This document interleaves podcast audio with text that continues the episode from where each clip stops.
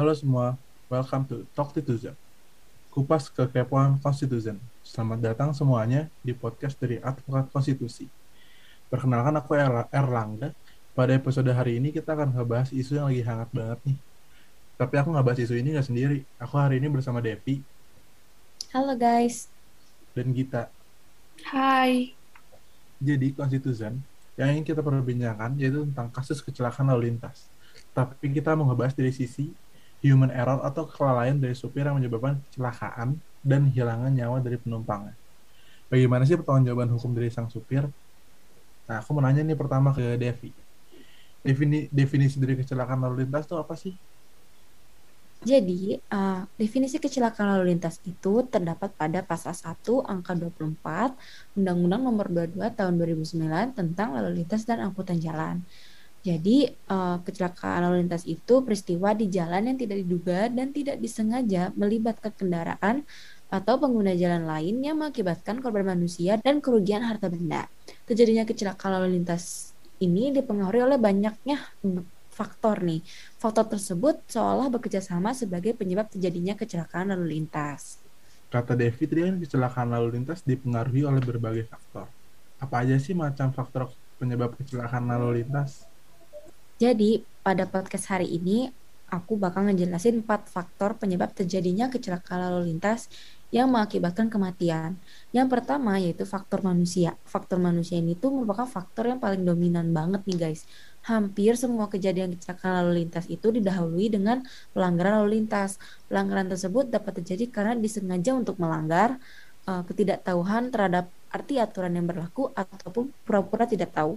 Terjadinya kecelakaan lalu lintas karena kealpaan yang berasal dari sikap batin dari seseorang pengemudi kendaraan. Dalam hal ini, kecelakaan juga bisa terjadi karena pengemudi kendaraan saat mengendarai kendaraan dalam keadaan mengantuk, sedang sakit, sedang di bawah pengaruh alkohol, sedang tidak fokus, ataupun menyetir sambil bermain HP, sehingga tidak jarang menimbulkan kecelakaan lalu lintas. Yang kedua, yaitu faktor kendaraan. Faktor kendaraan kerap kali juga menghantui kecelakaan lalu lintas, yaitu diakibatkan dari ban ataupun fungsi rem. Biasanya yang sering terjadi yaitu rem blong dan juga kejadian ban tergelincir yang disebabkan oleh kondisi ban yang sudah tidak bagus.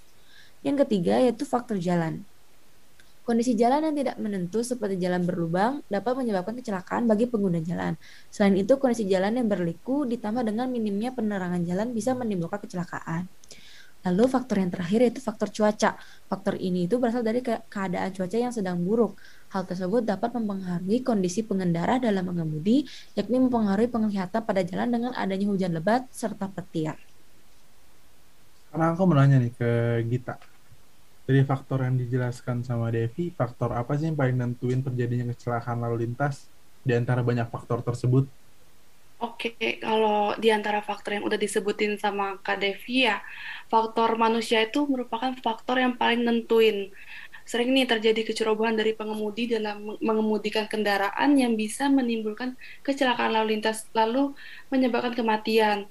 Sama nih kayak kasus yang terjadi baru-baru ini, kasusnya si almarhumah Vanessa Angel bersama dengan suaminya yang kemungkinan kecelakaan tersebut didasarkan dari kelalaian sang supir yang menyebabkan kematian itu.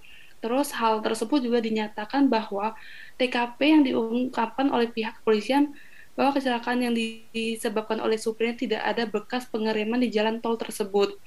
Hal ini menimbulkan asumsi seperti supir tidak berusaha menghindari kecelakaan dengan menginjak pedal rem, supir tidak menurunkan kecepatannya ataupun menepi saat ia dalam kondisi mengantuk. Kondisi mengantuknya itu menimbulkan kehilangan kesadaran saat sedang mengendarai mobil sehingga tidak ada lagi upaya preventif untuk menghindari kecelakaan maut tersebut. Kalau terjadi kecelakaan yang disebabkan dari kelalaian dari supir, hukumnya seperti apa sih, Git? Uh, kalau kelalaian dari supir atau pengemudi itu diaturnya dalam doktrin hukum pidana. Uh, dalam doktrin ini dijelasin kalau kelalaian itu adalah satu bentuk ke kesalahan di samping kesengajaan. Dengan kata lain, bentuk dari kesalahan itu ada dua, yaitu ada kelalaian atau kulpa dan kesengajaan atau dolus. Nah, kesalahan sama bentuk kesalahan itu merupakan suatu kewajiban yang harus ada supaya orang itu dapat dimintai pertanggungjawabannya terus dijatuhin pidana sesuai sama ancaman pidana yang diatur undang-undang. kelalaian pengemudi itu sendiri diatur dalam Kitab Undang-Undang Hukum Pidana bab 21 dari buku 2 yang dimulai dari pasal 359 sampai pasal 361 uh, sanksi pidana bagi pengemudi kendaraan karena kealpaannya itu terus mengakibatkan kematian itu diatur dalam pasal 359 KUHP yang berbunyi barang siapa karena kealpaannya menyebabkan matinya orang lain diancam dengan pidana penjara paling lama lima tahun atau pidana kurungan paling lama satu tahun. Nah, dengan demikian, pelaku tindak pidana kecelakaan lalu lintas yang mengakibatkan kematian, kematian uh, pengemudi kendaraan karena tindakan yang dilakukan itu melawan hukum. Nah, yang dijelasin oleh Gita, aku mau nanya ke Devi nih. Dalam prakteknya penerapan pasal 359 itu seperti apa sih? Jadi uh, penerapan pasal 359 KUHP ini seharusnya dapat dibuktikan di sidang pengadilan. Walaupun memang harus diakui bahwa pembuktian ini bukanlah suatu hal yang mudah. Bahkan sering menjadi kendala untuk menghukum pelaku tindak pidana kecelakaan lalu lintas, yakni pengemudi kendaraan. Adapun kasus tindak pidana kecelakaan lalu lintas yang mengakibatkan kematian yang berlanjut diperiksa di tingkat pengadilan. Namun seorang pengemudi kendaraan hanya dihukum selama 8 bulan penjara. Hal ini tentu sangat mengecewakan pihak keluarga korban dikarenakan hukuman yang dijalani tidak sebanding dengan perbuatannya dan derita yang dialami keluarga korban. Padahal ya secara yuridis nih ya guys, tindak pidana kecelakaan lalu lintas yang mengakibatkan kematian dalam pasal 359 KUHP Ancaman hukuman penjara paling lama lima tahun atau kurungan paling lama satu tahun dimaksudkan untuk mencegah terjadinya tindak pidana kecelakaan lalu lintas. Untuk kelalaian sopir yang menyebabkan kecelakaan lalu lintas dan adanya korban meninggal seperti kasus almarhumah Vanessa Angel, itu lebih luasnya hukumnya seperti apa sih, Git? Oh, kalau kecelakaan lalu lintas yang mengakibatkan korban meninggal dunia ataupun ataupun luka berat terkualifisir sebagai kecelakaan lalu lintas berat dan peristiwa tersebut merupakan peristiwa hukum yang mempunyai konsekuensi hukum pidana yang diatur dalam ketentuan UU nomor 22 tahun 2009 tentang lalu lintas dan angkatan jalan, angkutan jalan. Terus ada juga nih kelalaian yang menyebabkan hilangnya nyawa orang lain merupakan tindak pidana yang diancam dengan sanksi pidana berdasarkan ketentuan undang-undang tersebut. Seperti yang diatur dalam pasal 310 ayat 4 UU Lalu Lintas yang secara eksplisit menentukan kalau orang yang mengemudi kendaraan bermotor terus karena kelalaiannya mengakibatkan orang lain meninggal dunia, maka akan dipidana penjara paling lama 6 tahun dan atau denda paling banyak 12 juta rupiah.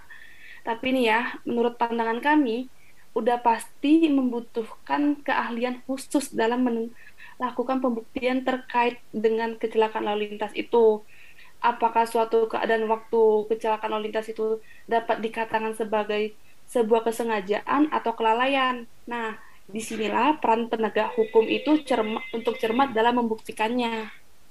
Wah, jadi kita tahu ya pertanggungjawaban hukum dari kelalaian atau human error dari pengendara yang menyebabkan kecelakaan dan merenggut nyawa orang lain. Makanya konstitusi jika membawa kendaraan harus mengetahui dan menaati hukum yang berlaku agar tidak terjadi hal-hal yang tidak diinginkan. Terima kasih untuk Gita dan Devi udah nemenin aku untuk ngobrol tentang isu hukum ini dan menyampaikan pendapatnya. Untuk teman-teman yang punya pendapat lain, bisa banget menyampaikan pendapatnya di platform-platform advokat konstitusi yang lain. Dan jangan lupa untuk follow account advokat konstitusi, biar nggak ketinggalan episode lain yang pastinya akan seru. Terima kasih teman-teman. Terima kasih.